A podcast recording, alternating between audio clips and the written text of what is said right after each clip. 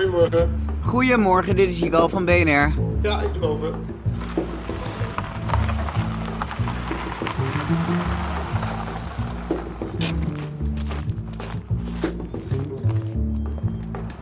Hallo, Kenneth Perez in zijn eigen habitat. Ik zou graag een kijkje in je kast nemen.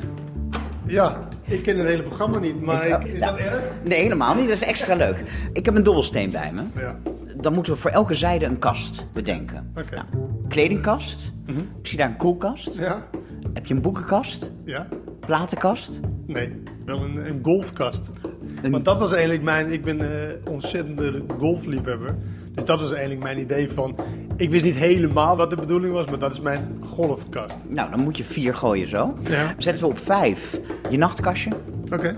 En nou ja, op zes Hallo, kast misschien. Horlogekast op zes. Ja. Oké, nou, hier is de dobbelsteen. Neem hem ter hand. Meestal sla ik een 6. Nou. en wat is het? Zes. Een 6, ja. En dat was de horlogekast. Ja. Ja, nou, dat moet naar boven. Ik ben benieuwd. Oké. Hier staat mijn, eh mijn horlogekast. Eh, watchwinder noemen ze dat. Hier zitten allerlei nieuwe, oude horloges in. Ook van mijn vrouw zie ik. Op het nachtkastje. Op een nachtkastje, ja. Vroeger was ik helemaal gek op horloges. Kon ik geen eh, winkel eh, langslopen, horlo horlogewinkel. Om altijd te gaan kijken en was heel benieuwd en zo. Maar interesseert mij eigenlijk niet zo heel veel meer. Maar die kast met horloges staat nog wel prominent naast het bed. Ja, maar ja, je moet ze wel ergens eh, opbergen. De enige waar ik echt heel erg blij mee, op pa, daar ben ik wel blij mee. Deze bijvoorbeeld. Oh! Nou, die is voor mijn vrouw dus. eh. Ah, niks gebeurd. En, eh, Deze is een, eh, nou die kreeg ik toen ik uiteindelijk kampioen werd met de FC Twente in 2010. Staat iets gegraveerd op de Ja, achterkant? gegraveerd van, FC Twente, landskampioen 2009-2010. ja, nou dat is eigenlijk een, een prachtig horloge. Van En wie heb je dat gekregen? Van eh, FC Twente. Van de club. Van de club, ja. Omdat iedereen die kampioen werd, is natuurlijk wel bijzonder als FC Twente kampioen wordt. En volgens mij is het wel gebruikelijk hoor. Want eh, ik ken spelers die veel meer gewonnen hebben dan ik. En ze hebben altijd wel een horloge van iets wat ze eh, gewonnen hebben. Die koester ik wel. Ik, ik gebruik hem niet.